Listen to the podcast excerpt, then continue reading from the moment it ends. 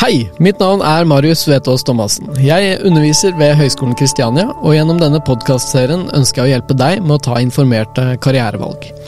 Jeg har selv vært student og kjenner godt til følelsen av å ikke ha nok informasjon om hvordan en arbeidsdag kan se ut. Mange stillinger fantes ikke for bare 10-20 år siden, og her i Norge bruker vi mange stilige engelske stillingstitler som ikke alltid er så lette å forstå. Manglende kjennskap til arbeidslivet kan bety at man tar dårlige eller kortsiktige valg, og at bedrifter ikke tiltrekker seg riktige profiler. Så derfor snakker jeg med ulike personer om deres konkrete stillinger og arbeidshverdag. I dag har jeg besøk av Tobias Limseth. Han jobber som markedssjef og eiendomsutvikler i Nobello. Nobello ble startet i 2019. De har fem ansatte, og de fokuserer på en innovativ og kundeorientert tilnærming til eiendomsutvikling. Tobias har en bachelor i forretningsledelse fra University of Winchester sør i England, og en master i strategisk markedsføringsledelse fra BI. Og siden 2018 har han hatt ulike roller innenfor digital markedsføring, mens han i økende grad har tatt på seg lederansvar. Så velkommen. Hei, Tobias. Hei, hei. Takk. Og mitt første spørsmål er, når skjønte du at du ville bli leder? Uh, jeg tror mye av det om å bli leder for meg eh, handler i større grad om på en måte å, være ansvarlig og, og, løfte fram forskjellige personligheter. Uh, jeg har jo alltid hatt, vært en liten sånn forkjemper mot uh, folk som blir bølla med, hersa med, fordi de kanskje ikke har lik personlighet som veldig mange som har normalt vært ledere. Uh, så jeg tror eh, jeg begynte å kjenne litt på det når man satt og så at folk som kanskje var litt introverte, eh, folk som hadde veldig mye kunnskap, men som ikke var vant til å eh, mose seg fram, prate høyest osv. At de ansatte også var sykt nyttige og spennende å bli kjent med og lære med. Og jeg tror det var da jeg begynte å kjenne litt på det å være leder betyr at man kan være mye flinkere til å finne gullet da, blant ansatte. Eh, og jeg har møtt sykt mange spennende mennesker og lært veldig, veldig mye av ansatte. Av andre kolleger, som jeg tror veldig mange normalt ikke ville pratet med, for de kanskje var koderen i U3, eller eh, hun som sitter i et hjørne og aldri sier noe. Men de har jeg alltid vært veldig god til å prate med, og jeg har alltid syntes det har vært veldig gøy å få eh, sånne personer til å prestere. Eh, og jeg tror det var eh, Mye av den innstillingen har nok gjort at det har blitt en litt naturlig vei for meg å, å bli leder. Ikke fordi jeg liker å være i manesjen og være den som står forrest og skriker høyest, men jeg syns det er veldig gøy å lage gode team. Da. Lage gode caser eller produkter med forskjellige typer mennesker. Uh, ja, så jeg tror det har vært litt grunnlaget. Uh, ja. Å være litt sånn trener for et uh, elitelag. Ja. Lage et elitelag. Få folk frem og få de synlige. fasilitere at de kan bidra. Absolutt. Jeg har en teori som ja. jeg har lagd selv. Den handler om maur. Okay. Det fins tre typer maur. Det er arbeidsmaur, ledemaur og hybridmaur. og jeg mener at det ledemaur det er den gode, gamle skolen. Det er de som på en måte mm, ikke alltid har hatt mest kunnskap, men har vært veldig god på å eh, Hva skal man si? Si at eh, suksessen til andre er sin egen suksess. Være de som har vært gode til å Ofte er de, eller ni av ti er ekstroverte. Uh, gode til å prate. Uh, utnytte andre istedenfor å fremme og, og få andre til å prestere. Det er ledermauren. Det er eh, den gode, klassiske lederen. Og jeg, jeg tror det er altfor mange som fortsatt er ledermaur, som har ledende stillinger i, både i Norge og i utlandet. Så har du arbeidsmaur. Det er jo de som gjerne i en klassisk gruppe gjør alt arbeidet for ledermauren. De sier ingenting, så det vil jo si at de får sjelden noe kudos for arbeidet de gjør. Eh, og de blir gjerne også hersa litt med. Ehm, men det er, det er, jo på en måte livsåren i en bedrift. Uten arbeidsmaur så sliter du med å lage. Og så har du det jeg mener er fremtidens ledere, altså hybridmaur.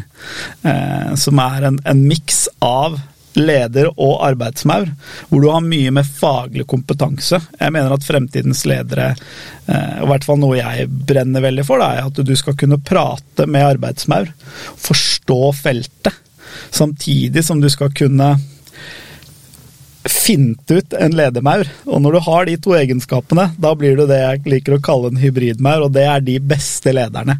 Det er de som, når de får en eh, Hvis de møter en leverandør eller møter noen som snakker fag, faktisk kan fag, faktisk kan gå ned i materie og diskutere med, forstå hva en kode sier. Ikke det at du må kode, men du burde kunne forstå hva den verden handler om.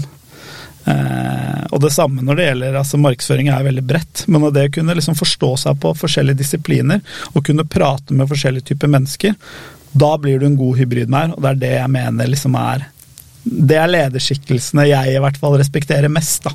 Ja. Eh, hvordan blir man en uh, hybridmaur? Jeg tror fag er grunnleggende. Du må ha vært en Jeg mener at du må kunne fag, du må være interessert i fag. Og så må du tørre å utfordre deg selv til å ta mer plass. Eh, ikke, og jeg vet at jeg kjenner mange hvor det er sykt vanskelig. Eh, jeg selv husker når jeg begynte på bacheloren, at eh, første presentasjon jeg hadde Og det her er ikke tull. Da sto jeg og vurderte å fake sykdom. Jeg skulle på scenen i et auditorium med 100 mennesker, eller sånn, og jeg sto og tenkte, vet du hva Jeg legger meg ned, besvimer og faker at jeg er dårlig. For da slipper jeg det her helvete som venter meg. For jeg, alltid, jeg hadde enorm sceneangst før. Og så sånn kritisk. Eh, skjønte jo at det det vippa over til at jeg gjennomførte, da. Det hakka i stemmen. Jeg tror det var ikke noe Jeg tror ikke læreren i England tenkte han fyren fra Norge, han skal jeg satse på videre. Men jeg kom meg gjennom. Eh, og det ref det å utfordre seg selv litt. At eh, du, kom, du kan aldri bli en god leder hvis ikke du greier å altså, kommunisere godt hvis ikke du greier å formidle avanserte budskap til å bli forenklet.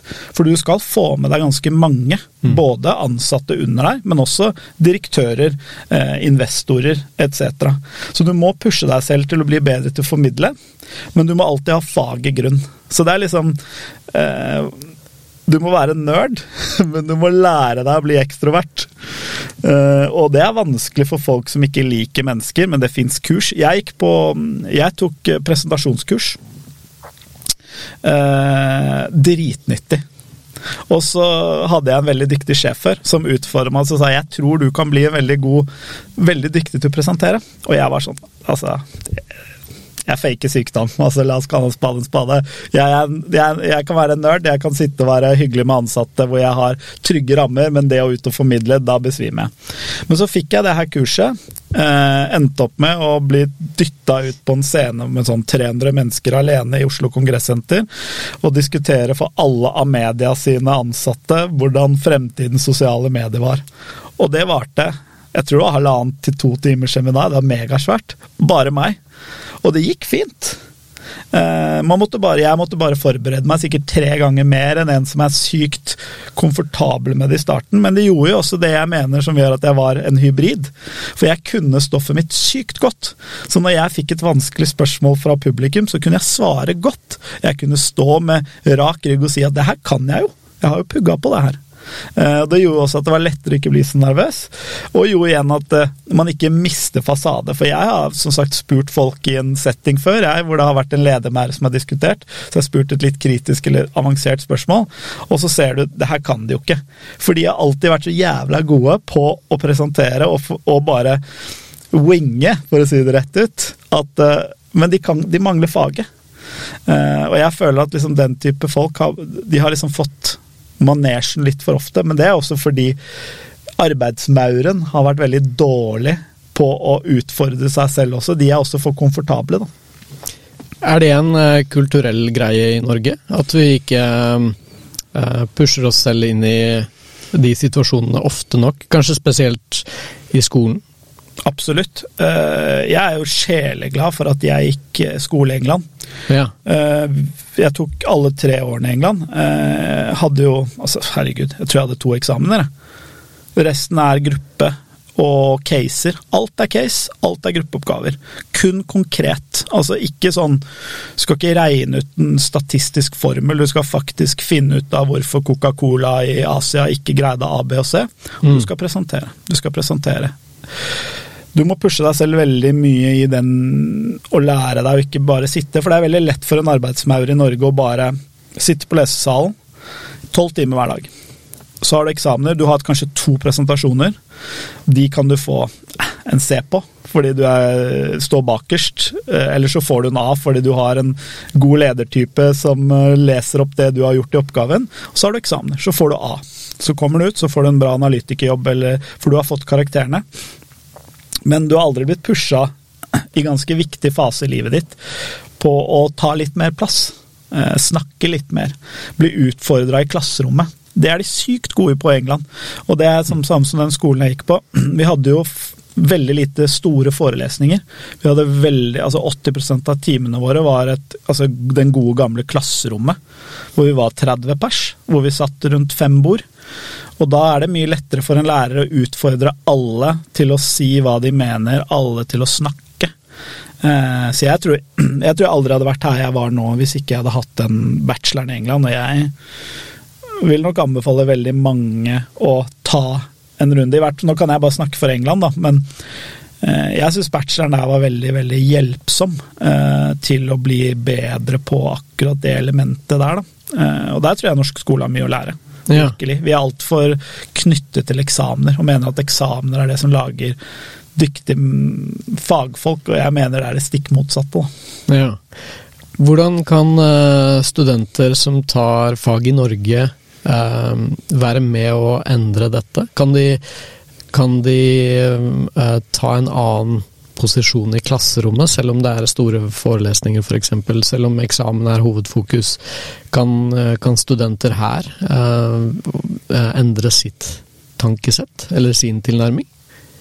Ja, det vil jeg da si. Eh, veldig mye. Igjen, uansett hva slags type mennesker du er, så har du jo en hva skal man si, en evne til å ta egne beslutninger. Eh, og hvis du syns det er vanskelig, så er det bare én måte å komme seg forbi det. Enten få litt hjelp, eller tørre å prøve å pushe seg selv. Og, og det er en ting jeg merket også når jeg tok skolen. Jeg, tok, jeg studerte litt senere enn alle andre, for jeg, jeg sto på ski i utlandet i et par år for å finne meg selv.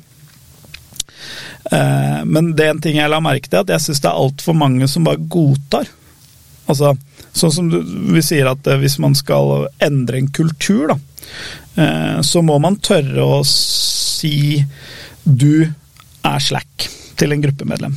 Fordi Når du har gruppeoppgaver, så er det Hvis det er en som ikke gidder å gjøre noe, som er en veldig hyggelig sosial type, eller en sjarmør, eh, og de ikke gjør noe, hvis ikke du tør å si nei, fordi i hvert fall alle de jeg møter, så har jeg mye mer respekt for folk som har faglig tyngde. Og det betyr ikke at du må være en A-student, det må bare bety at du brenner litt for det du gjør. da. Eh, og jeg tror også at hvis de fra studietid man tør å si Vet du hva, Per, nå syns jeg du er eh, Du bidrar veldig lite i den oppgaven her, og det syns jeg ikke er greit. Det lille steget der er jo masse. Mm. Eh, og det tror jeg også vil hjelpe folk i klasserom. ikke sant? Det å kunne eh, tørre å stå litt mer opp for det man selv har gjort. Svare på et spørsmål. Det kan være sånne småsteg.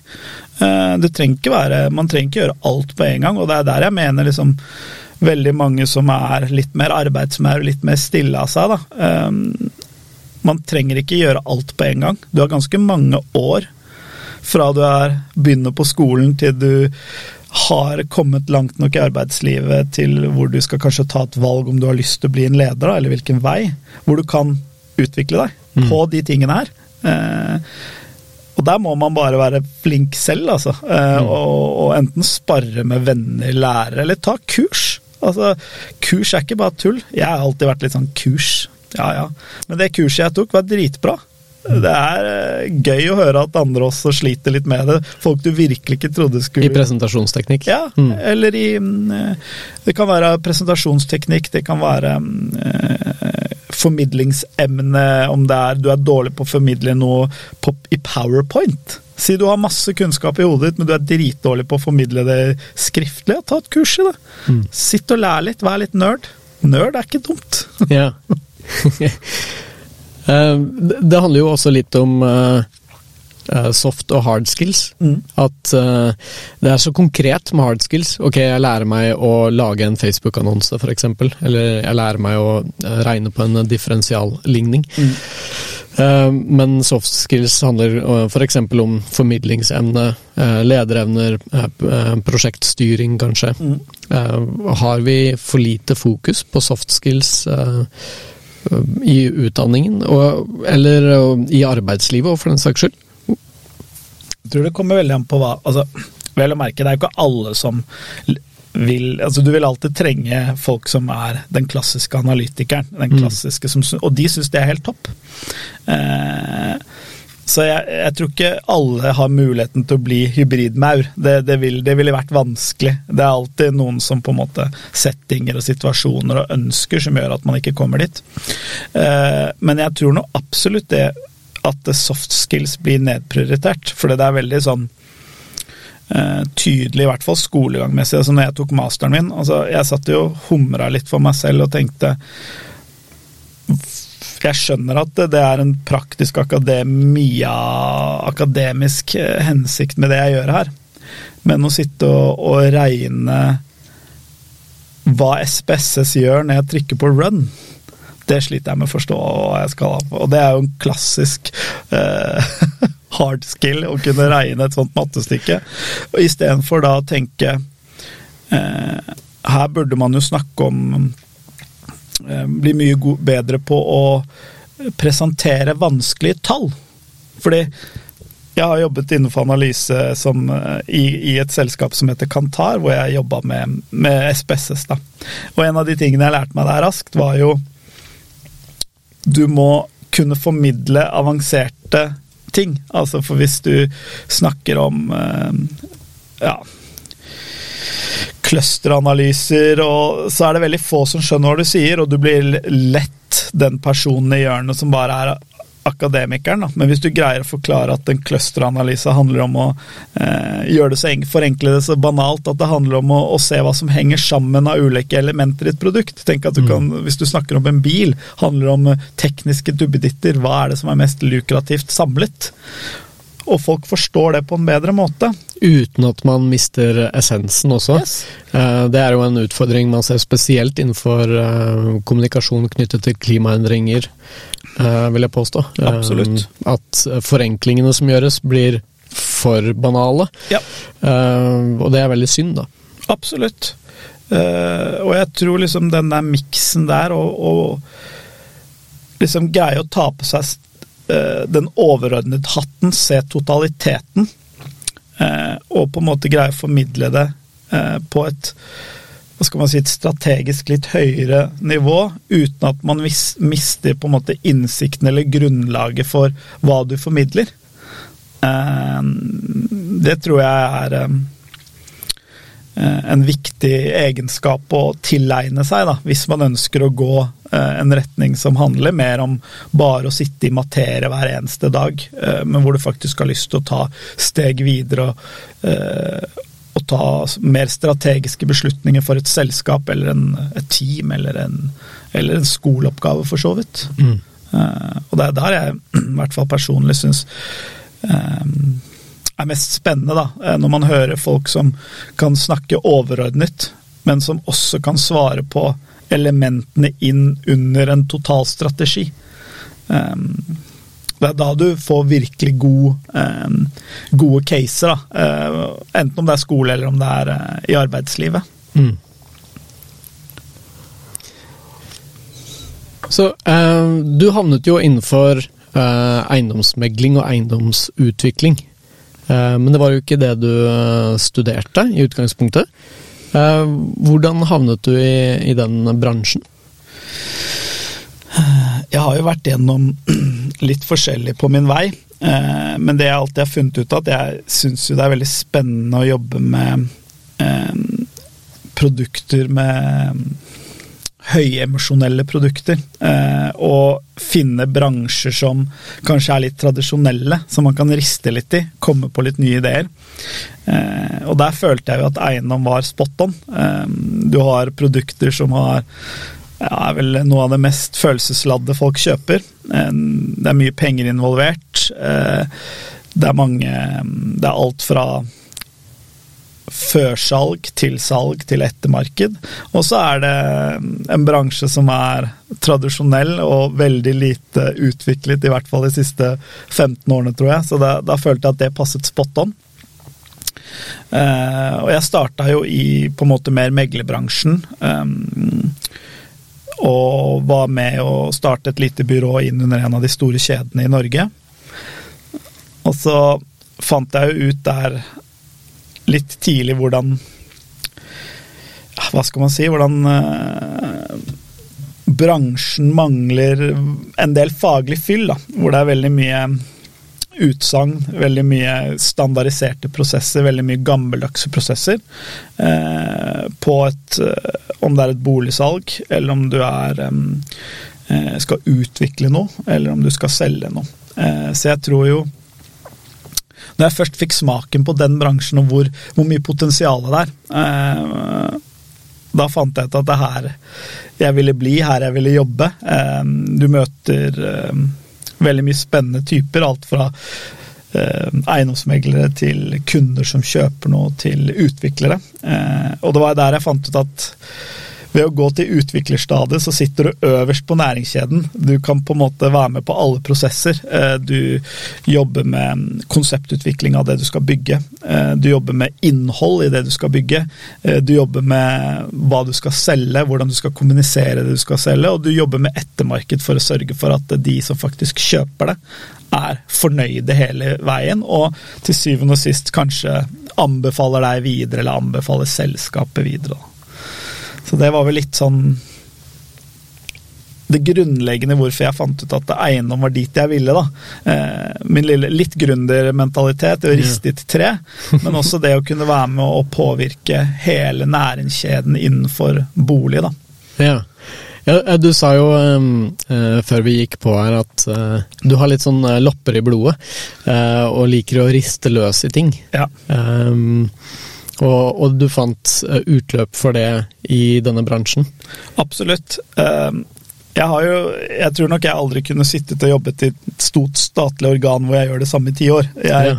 jeg trenger å, å, lage nye konsepter, jeg trenger å, å utvikle elementer. Eh, og i eiendom så føler jeg at da har du nye konsepter og nye elementer hver gang du bygger noe.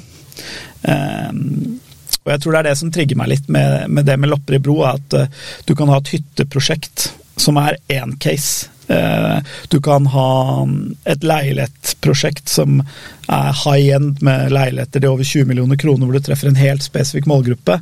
Uh, og du kan lage et um, student innen førstegangskjøpekonsept. Alle det er tre, tre, forskjellige veier til mål. Ehm, det er tre forskjellige målgrupper, det er tre forskjellige prisklasser, det er tre forskjellige måter å eh, kommunisere, annonsere. De er kanskje interessert i ettermarked på en annen måte. Eh, og den måten å tenke på mener jeg Jeg har i hvert fall ikke møtt veldig mange i den bransjen jeg er i nå som tenker sånn. Som tenker at det faktisk krever innsikt å finne ut av hvem en kjøper er. Eh, finne ut hvordan den kjøperen responderer på forskjellige måter. Hva er behovene til den kjøperen? Og til syvende og sist bruke all den kunnskapen til å sy sammen et konsept. Eh, og så jobbe ut det konseptet. Det er det per nå, i hvert fall, jeg vet veldig få som, som gjør det. Eh, og det har vært mye mer normer til at man bruker Excel-ark til å definere hva man bygger. Kroner og ører. Eh, veldig mye mm, 'jeg vet best, jeg har vært i bransjen i 20 år'-mentalitet, eh, da.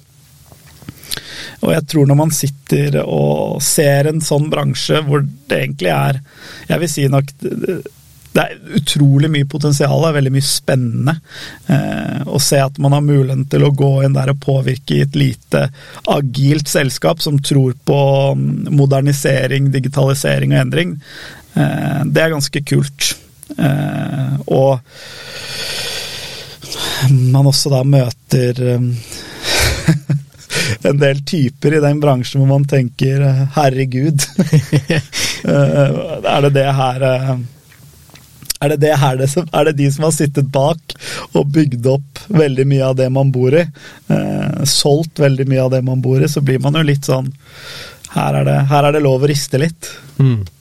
Det er jo fristende å tenke at det er teknologi som driver uh, uh, mye av eh, det som kan være innovativt, eller modernisering.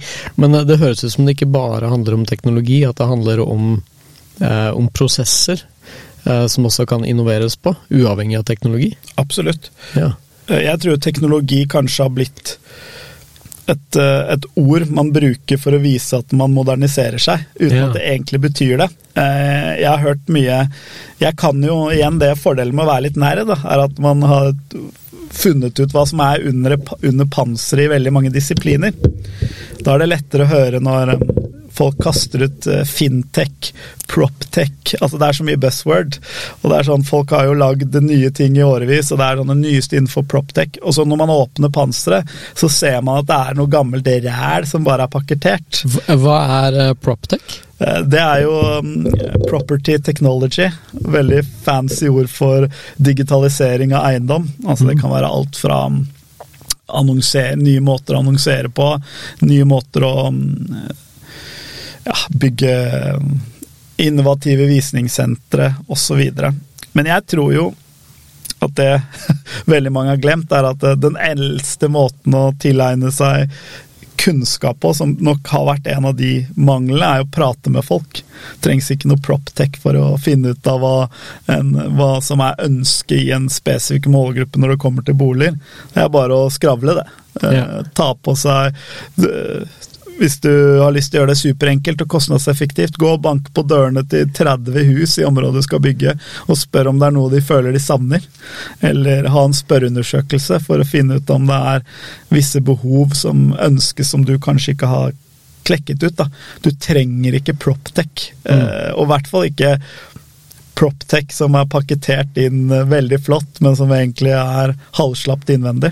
VR-briller og ja, altså spesielt. Utforske prospekter gjennom det? Ja, og jeg er helt, det er mye gøy man kan gjøre. Og vi også driver og ser på mye måter teknologi kan gjøre eh, sånn vi jobber bedre.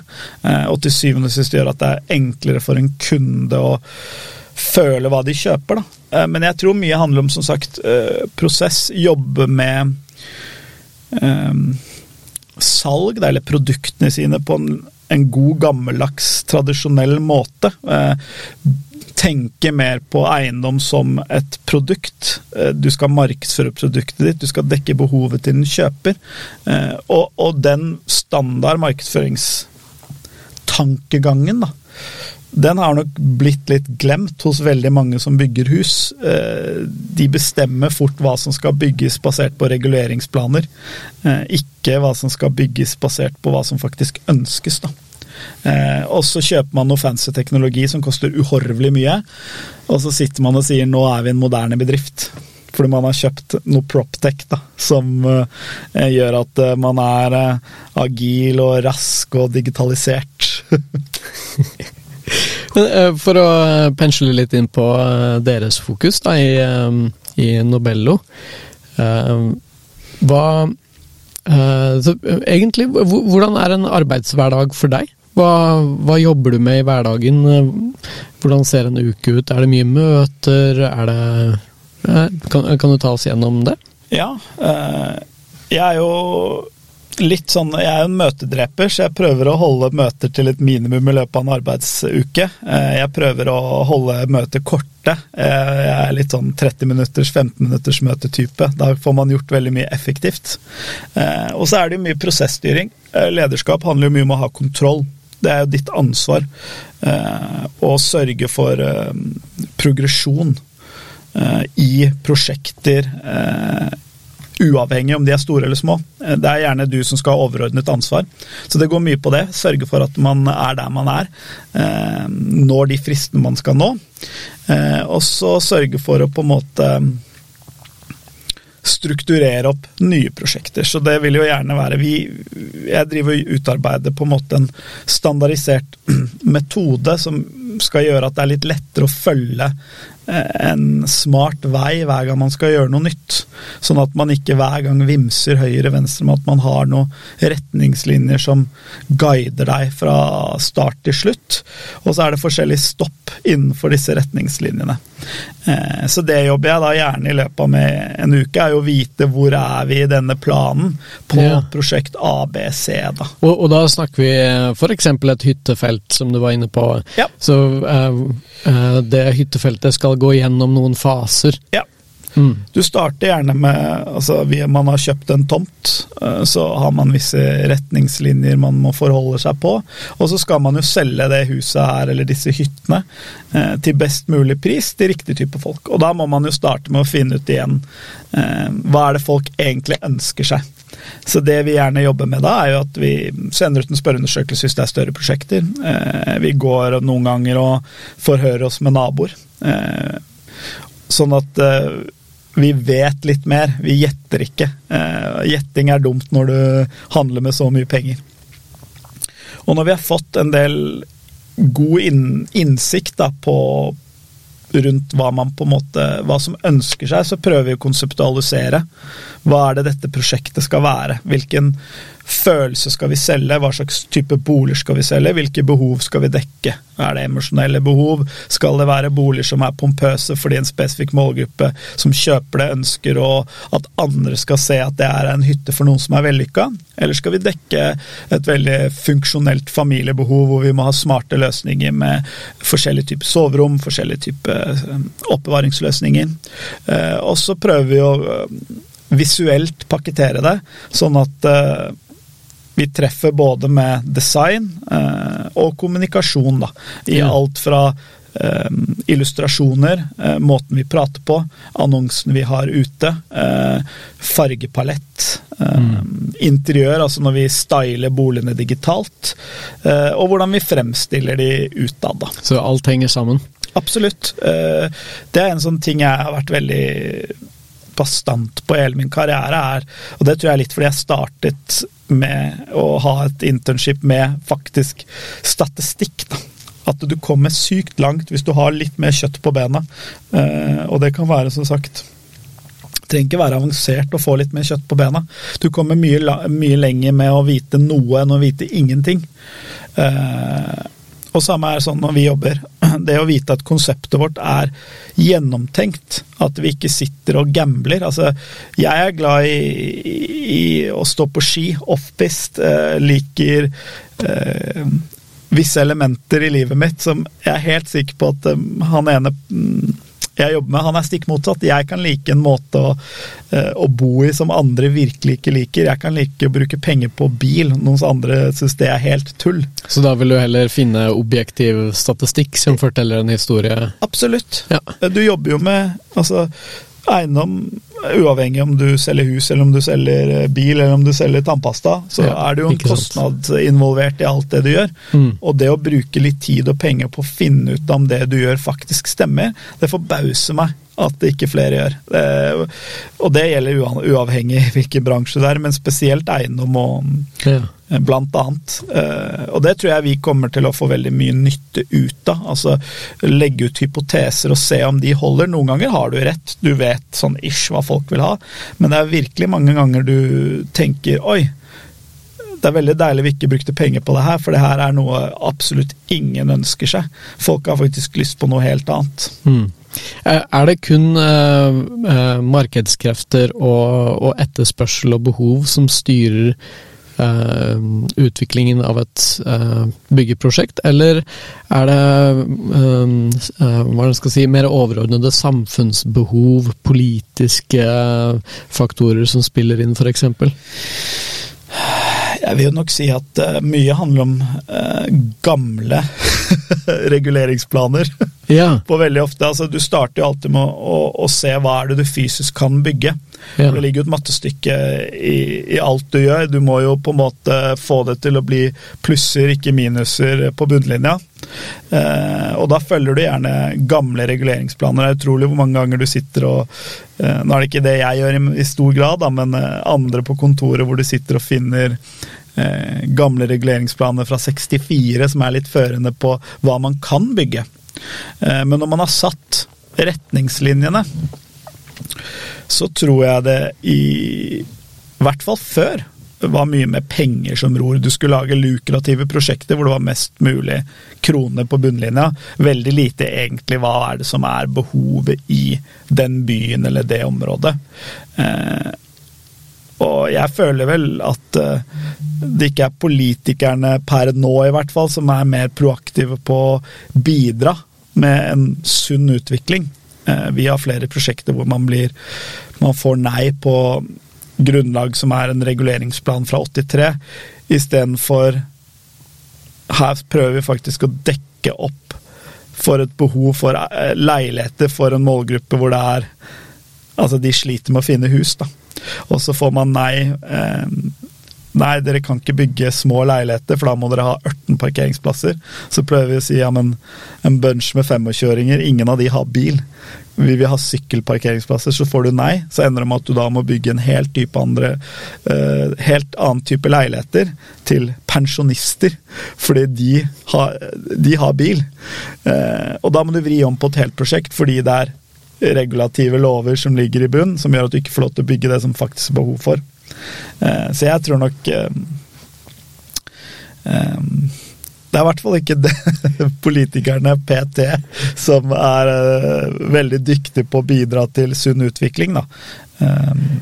Det kan jeg si. Og så tror jeg endringen nå gjør at siden det ikke er like lett å tjene penger, så må man være litt flinkere på å tenke på forbrukeren. Altså være litt mer kundesentrisk. Tenke litt hva er det Det er faktisk sluttbrukeren som skal kjøpe det vi lager, og ha den mentaliteten fra start til slutt.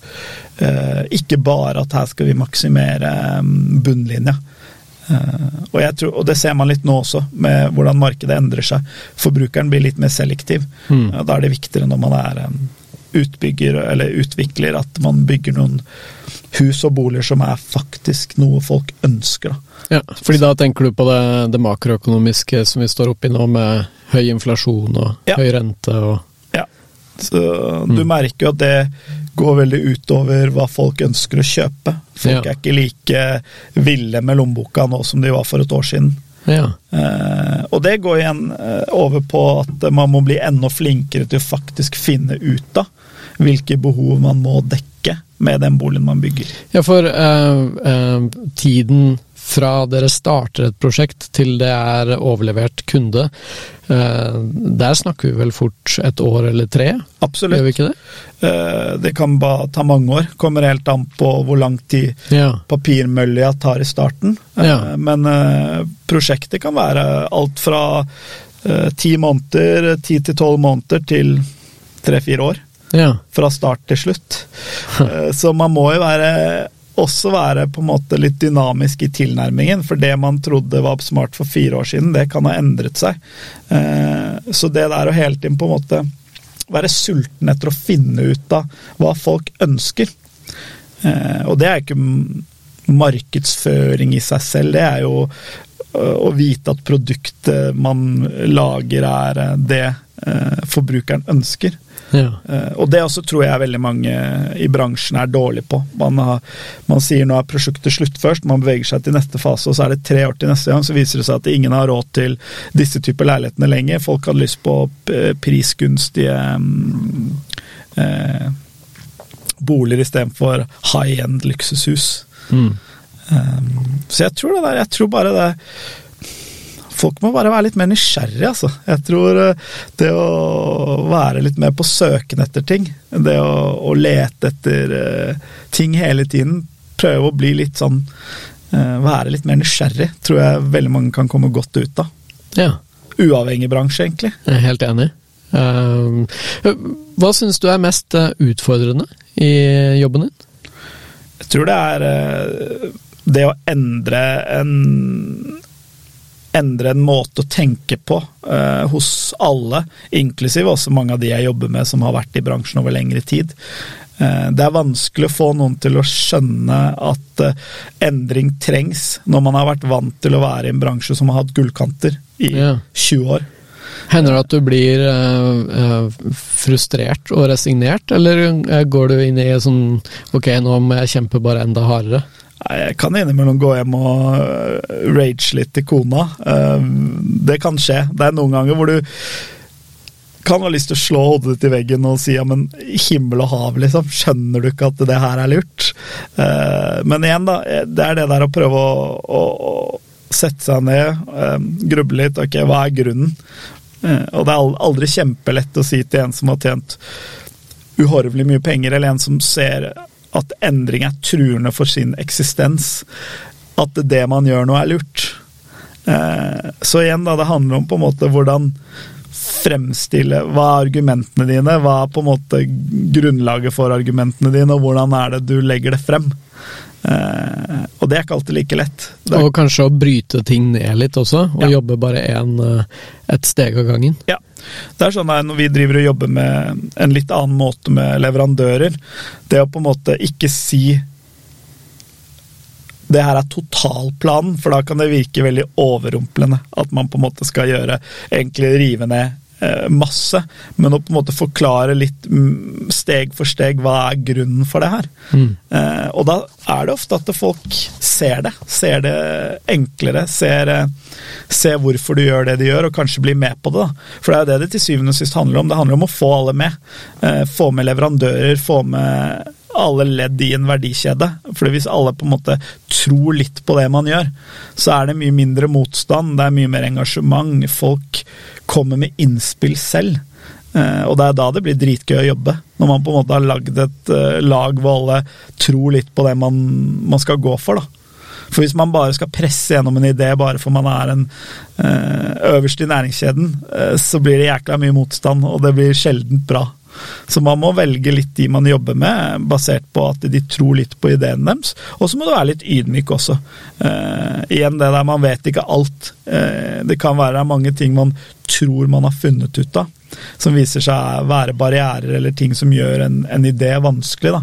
Så man må alltid ha på litt sånn ydmykhatten og være åpen for innspill.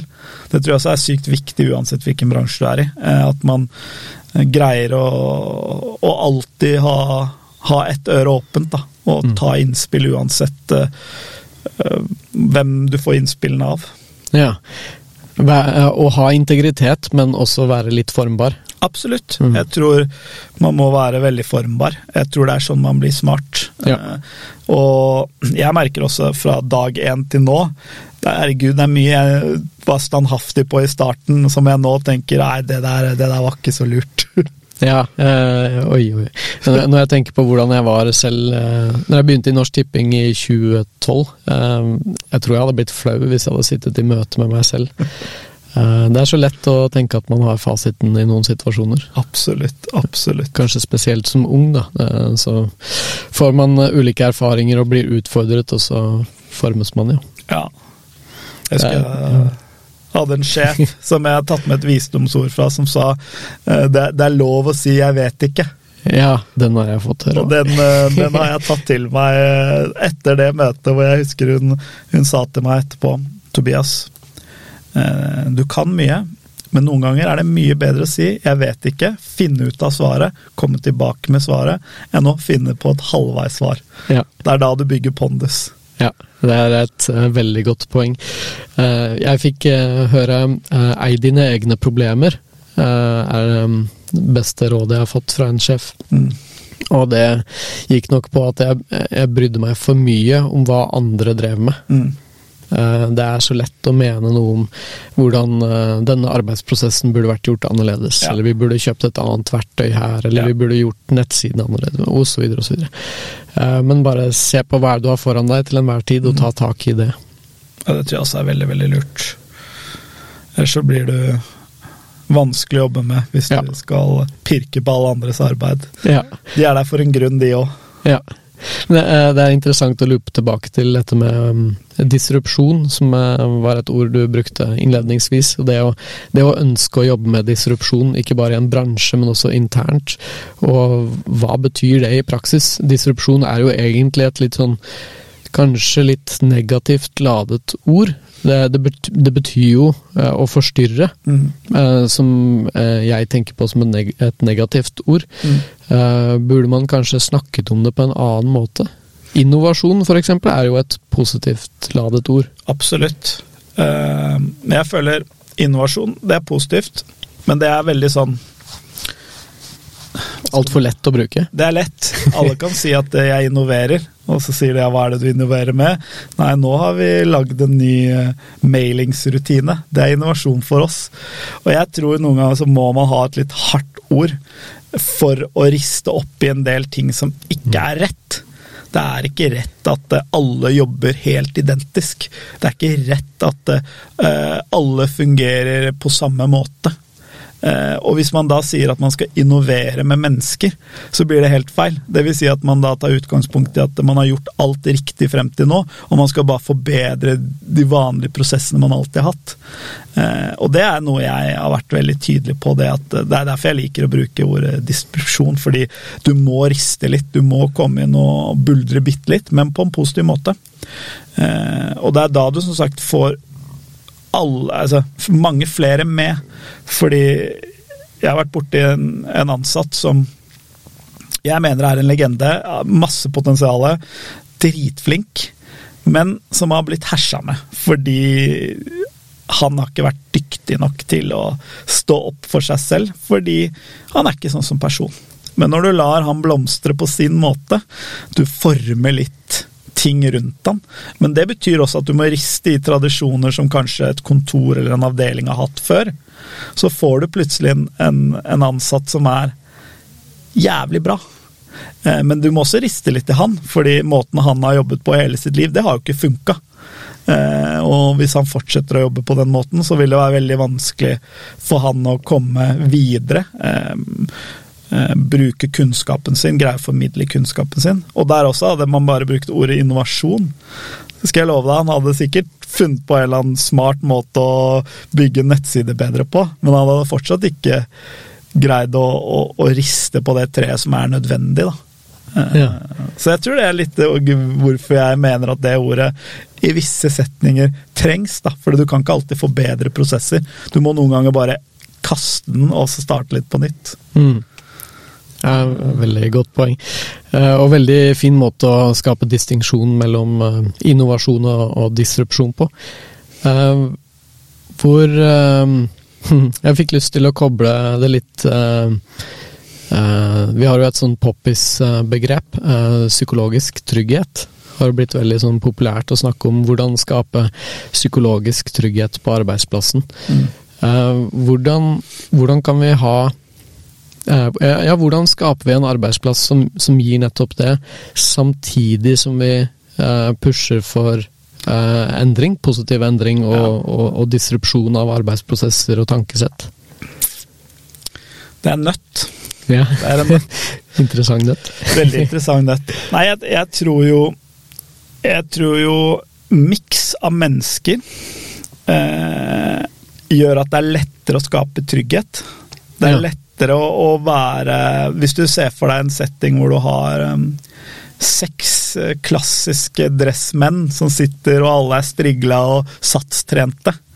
Det er kjipere å si noe dumt i den settingen enn hvis du sitter med en miks med litt forskjellige folk. Én satstrent, én eh, sånn der eh, eh, rollespillfyr. Eh, en avdanka skifyr som har litt ekstra på magen. Men hvis, jeg tror hvis man skaper en, en sånn sone på arbeidsplassen, så vil du nummer én skape mer trygghet, fordi fellesskapet er litt mer inkluderende. Eh, og så tror jeg man må ha forventninger.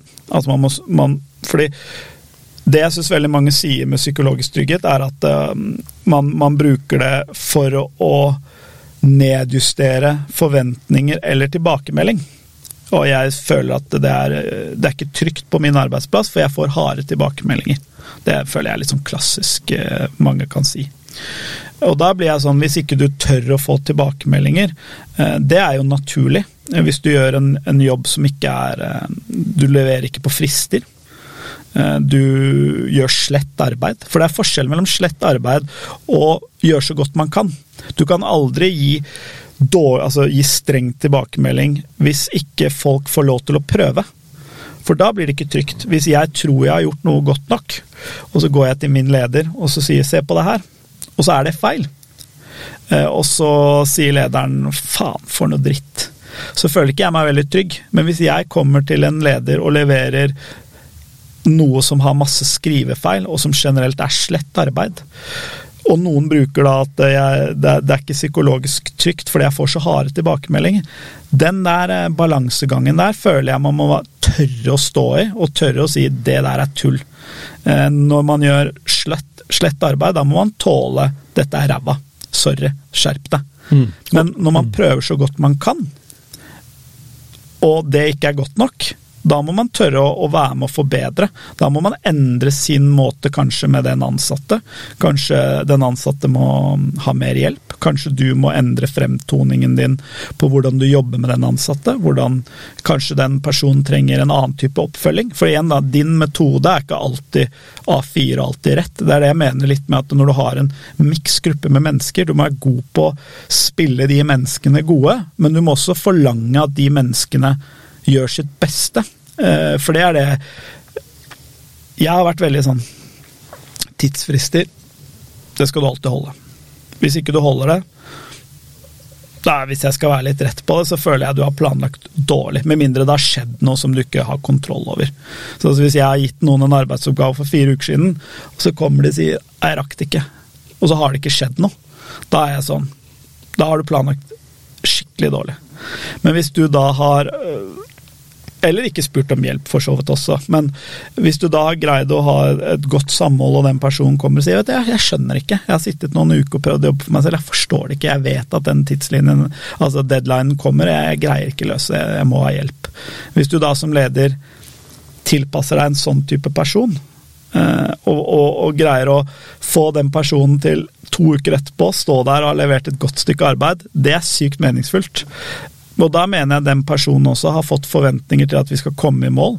De har forventninger at vi fortsatt skal holde oss innenfor tidsfristen, fordi vi leverer innenfor tidsfrist. Og det har kanskje også gjort at den ansatte må eh, hva skal man si, jobbe enda litt hardere. Kanskje det ble noen titimersdager for å komme i mål. Da. Men hvis den personen ønsker å gjøre det, og jobber etter det, men ikke alltid gjør rett, så må du som leder være god på å bidra og være med på løpet også. Da hjelper det ikke at du går hjem klokka fire så sier du 'sorry, Hans', vi ses i morgen åtte, liksom. Du får gjøre så godt du kan i kveld. For den utryggheten du da skaper, det er psykologisk utrygghet. Men hvis du er med, forventningsstyrer, gir klare tilbakemeldinger som innimellom er litt tøffe, så føler jeg at det, å si at man da er en psykologisk utrygg arbeidsplass, blir litt for meg sånn unnskyldninger for at uh, du ikke tør å ta i tak, altså. Og jeg syns det er veldig skummelt når folk kaster ut sånne ting, og det blir et allment begrep.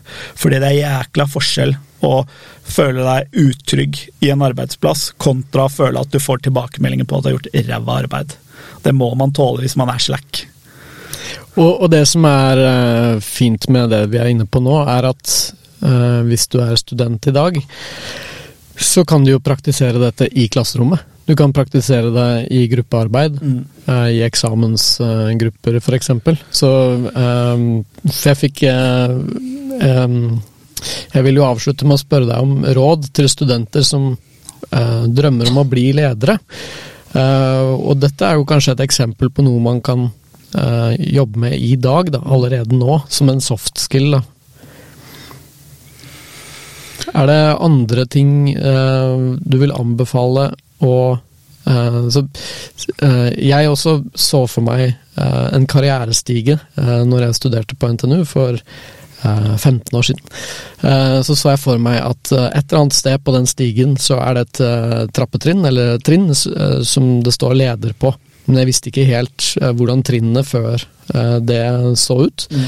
Og jeg visste ikke helt ja, hva som var riktig å gjøre for meg der og da. Så endte det opp med at jeg, jeg tok meg en jobb, en sånn deltidsjobb som trener for et fotballjentelag. jeg var med i sånn hva heter det for noe, instituttråd for å begynne å snakke foran folk. tok noen små skritt. da. hva tenker du på som Eh, som sånne små skritt man kan ta i den retningen når man er student? Jeg tror eh, første skritt er å gjøre litt sånn annerledes ting. Finne finurlige folk. Eh, gå til de menneskene som du normalt ikke ville hengt med. Studer med litt andre typer mennesker. Ta deg en tur til utlandet hvis du kjenner at du bare går rundt i samme A4-grøt hjemme. Som sagt, jeg, jeg, var ikke noe sånn dritgod på skolen da jeg gikk på videregående. Jeg ville bare stå på ski. Så jeg fant ut at greit, da står jeg på ski et par år til, og så har jeg en deadline på når jeg skal begynne å studere. Og når jeg da begynte å studere, så dro jeg til utlandet, og så gjorde jeg det litt som et mission å gjøre litt annerledes ting. Ja. Eh, greit, jeg, jeg, fikk en kompis på studiet som vi var et ganske sånn tight team, men vi, vi var veldig gode på å finne finurlige folk å samarbeide med. Altså, Vi møtte en fra Sør-Korea, verdens artigste fyr. Han hadde masse morsomme innspill. Eh, og ikke, ikke, den klassiske at du går og setter deg med to andre i samme aldersgruppe som ser relativt like ut, som alle syns det er gøy å stå på ski, og som kommer fra en eh, samme type familie. Det der å finne de der raritetene, det har i hvert fall gitt meg veldig mye eh, kunnskap, ikke minst, men også lært meg hvordan man jobber med masse forskjellige typer personligheter. For det er jo det ledelse handler om. Det handler om å være god på å igjen bygge det laget. Greie å bygge forskjellige personligheter, forskjellige kunnskapsbaser, og gjøre sånn at de er trygge, komfortable og yter sitt beste. Det er jo liksom, mener jeg er litt alfa, da. Eh, alfa og omega på hvordan du gjør det, og hvordan du på en måte også, også jobber mot forbedring. Eh, og samme var når jeg begynte på BI. Da kom jeg inn som international student, for jeg hadde da studert hele Jeg hadde ingen, ingen tilkobling til norsk skolevesen. Så jeg var jo starta to uker før alle andre. Hang med kun nepalere, indre folk fra Kasakhstan, vi ble satt i en egen klubb i Frognerparken. International Weekend. Da humra jeg først allerede. Ja, fordi du hadde studert uh, tre år i, ja. i England? Ja, så, så du ble sett på som uh, international. Som international. Og da lo jeg alltid litt sånn på BV. BV vi snakker om diversifisering og skal mikse folk. Vi hadde vårt eget opplegg i to uker. Bare meg og en bunch med folk som aldri hadde vært i Norge før. Men jeg ble jo møtte sykt mange kule folk. Han jeg skrev masteren med, han var fra Nepal jævla smarting. altså sånn, eh, Og du hører hvordan de har jobba seg gjennom ting. Du møter en fra Kasakhstan som ble YouTube-kjendis. Eh, og, og, hvordan alle Og du møter klassiske på en måte Bli kjent med Eh, folk som er mer like deg selv, av samme bakgrunn, samme nabolag. Eh, men det å greie å lage dynamikk av alle de der, fordi du har turt å, å rote litt rundt i forskjellige steder, eh, det tror jeg er en av liksom mine hovedtips. Å starte tidlig å studere, er det der. Fordi du tar det med deg. Det er samme som når jeg begynte første sted. Jeg gikk ned til U3 en jeg har blitt lært dritmye av, som jeg har gjort mange kule caser med når jeg jobba i byrå, som vi på en måte vant masse priser på. Vi var to altså, Vi hadde ikke vært i bransjen lenge, og vi greide å vinne gull og ble shortlista til forskjellige steder. Og det var bare fordi jeg syns det er dritfett å gå ned i U3, og så fant jeg en, en, en veldig artig fyr, og så er jeg, åpen, er jeg veldig åpen for folk, så vi fant ut at vi to vi jobber jo dritbra sammen. Men det er veldig få som tar seg den turen ned til U3, fordi det er litt sånn Hva skal jeg, hva skal jeg nedi der? Jeg er jo en annen type. Eh, og det har hjulpet meg sykt, da. Eh, og også hjulpet meg som leder med at jeg kan snakke med veldig mange forskjellige typer. Jeg vet hvordan veldig mange forskjellige typer fungerer. Mm. Eh, og det er kun fordi jeg har vært nysgjerrig på bare finne litt rariteter underveis. Mm. Uh, Møte masse forskjellige mennesker, bli ja. kjent med dem, forstå livshistorien, uh, se verdensbildet uh, som de ser, fra sitt perspektiv. Absolutt, og så mm. lærer du mye av dem. Altså, ja.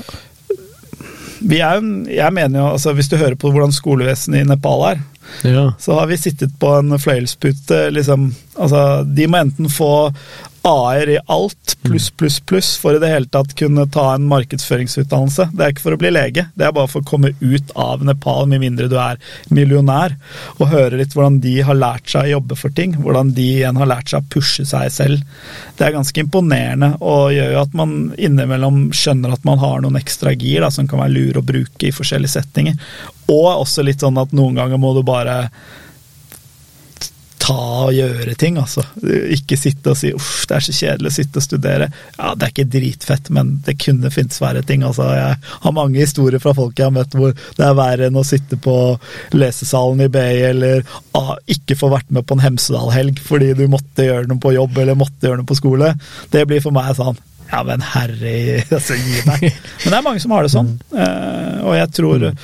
hvis man hadde møtt litt forskjellige typer mennesker opp gjennom tiden, så hadde man lært at uh, ja det er forskjellige skjebner. Alt er jo relativt, og uh, du vil jo uh, oppfatte din egen situasjon relativt noe. Og hvis referansepunktet ditt uh, er en veldig trygg, trygg tilværelse, så vil jo, vil jo små ukomfortable ting kanskje bli sett på som veldig ukomfortable ting. Absolutt.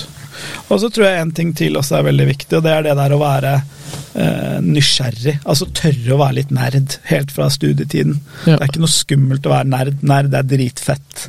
Mm. Du kommer langt med å være litt nerd eh, og være litt nysgjerrig, og at man ikke må liksom eh, føle at eh, det å, å, være nerd er tabu. For det var det i hvert fall når jeg vokste opp. Så det var litt kjipt å være nerd. Mm. Mens nå føler jeg at det, i hvert fall hvis jeg møter noen som sier de er nerd, så er jeg sånn hyller deg. Uh, og jeg tror man kommer litt langt med å tørre å ha den innstillingen også, at det å være litt fagnerd ikke er skummelt. Det er ikke kjipt å synes det er gøy å grave litt i det man gjør. Og da finner man også litt ut av hva man brenner for. Ja, også fra starten av når man er student, at uh, er man litt nerd, og tør å fostre nerden i seg, uavhengig av hva man har gjort før, så finner man det man syns er dritgøy. Og det er det man burde gjøre. Og det er da man også naturlig blir potensielt også en leder. Jeg hadde aldri blitt leder innenfor de tingene jeg har gjort, hvis ikke jeg syns det jeg gjør er dritgøy.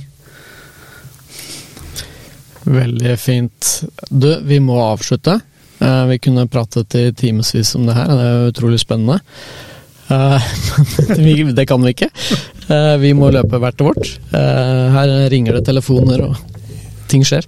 Så Tobias, tusen takk for at du kunne ta turen innom og snakke om eh, ledelse og eiendomsbransjen. Og livet. Og livet. ja, det er veldig hyggelig å være her, så takk for det. I dag har du fått hilse på Tobias Limseth. Han jobber som markedssjef og eiendomsutvikler i Nobello. Denne episoden ble laget i samarbeid med Senter for pedagogisk utvikling og læringsteknologi, samt Karrieresenteret her på Høgskolen Kristiania. Følg med videre for flere samtaler, og ønsker du å høre erfaringer fra en konkret yrkesretning, send meg gjerne en e-post på mariusvth at gmail.com. mariusvth at gmail.com.